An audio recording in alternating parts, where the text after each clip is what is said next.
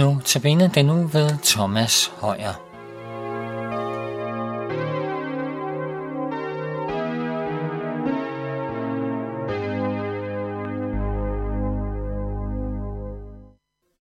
Velkommen til Notabene på Københavns Nærradio. Mit navn er Thomas Højer. I denne uge ser vi på, hvad Paulus skriver i sit brev til kolossenserne. Jeg begynder med at læse fra dette brevs andet kapitel, vers 1-15.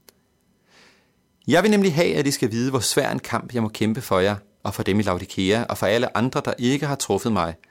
For at de skal trøstes i deres hjerte, og knytte sammen i kærlighed, og nå til den fulde rigdom på vidshed og indsigt, nå til erkendelse af Guds hemmelighed, Kristus, i hvem alle visdommens og kundskabens skatte er skjult. Det siger jeg, for at ingen skal besnære jer med forførerisk tale. For selvom jeg ikke er personligt til stede, så er jeg dog i ånden hos jer, og jeg glæder mig over den orden, jeg ser hos jer, og over fastheden i jeres tro på Kristus.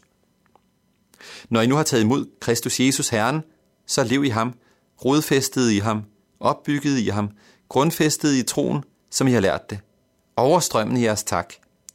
Se til, at ingen fanger jer med filosofi og tom bedrag, der bygger på menneskers overlevering, på verdens magter og ikke på Kristus. For i ham bor hele guddomsfylden i kød og blod, og i ham, som er hoved for al magt og myndighed, er I blevet fyldt med den.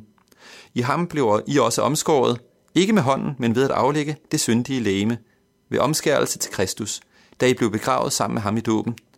Og i den blev I også oprejst sammen med ham ved troen på Guds kraft, der oprejser, der oprejste ham fra de døde.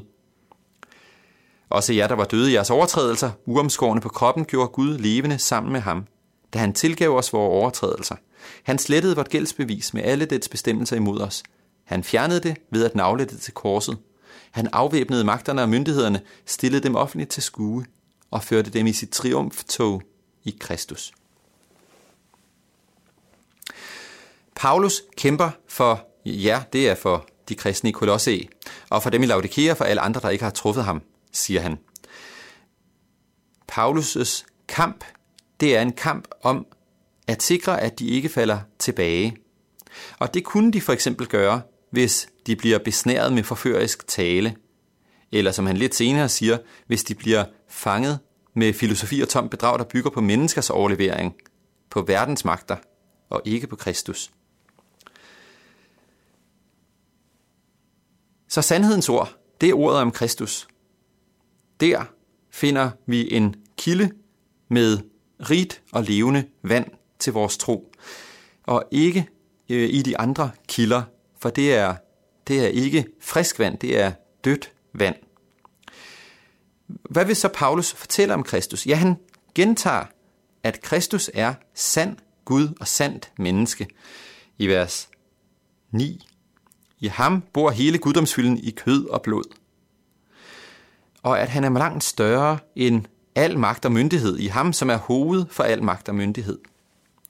Og så fortsætter han faktisk til at omtale den dåb, som de kristne i Kolosse har modtaget, at det er en omskærelse til Kristus ved begravelsen sammen med ham i dåben, og ved i dåben at blive oprejst sammen med ham ved troen.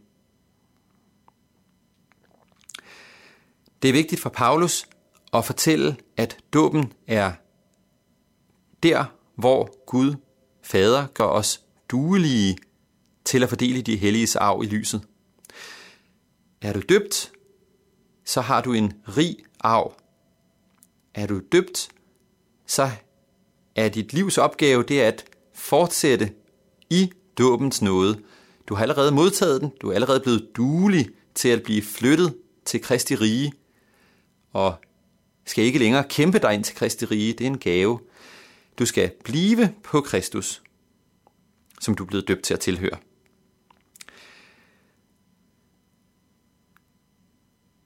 Gør du det, så er det sandt at sige om dig og om mig, at Kristus slettede vort gældsbevis med alle dets bestemmelser imod os. Kristus fjernede det ved at navle det til korset. Kristus har altså på Golgata forsonet Guds vrede over vores synder.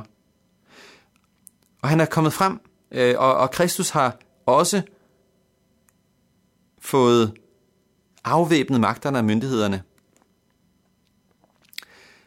Magterne og myndighederne, som kan true os, øh, og som kan gøre os bange i denne verden, de står våbenløse. De står offentligt til skue, og de står eller føres i Kristi triumftog. Vi må altså, om jeg så må sige, le af Satan og af hans rige. Det kan godt være, at der stadig ydes modstand fra mørket, men kraft og magt har mørket ikke. Det er afmægtigt. Sig derfor til Satan, væk, jeg har slet ikke tid eller krudt at spille på dig. Jeg tilhører Kristus, og du er bare en våbenløs idiot. Sådan er magtforholdet mellem Kristus og Satan.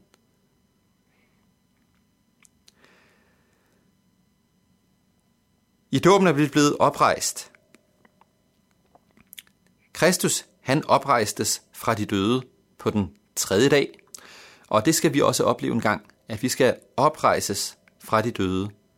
Og på en måde er dåben et forpant på den oprejsning, den opstandelse, der skal ske på dommedag.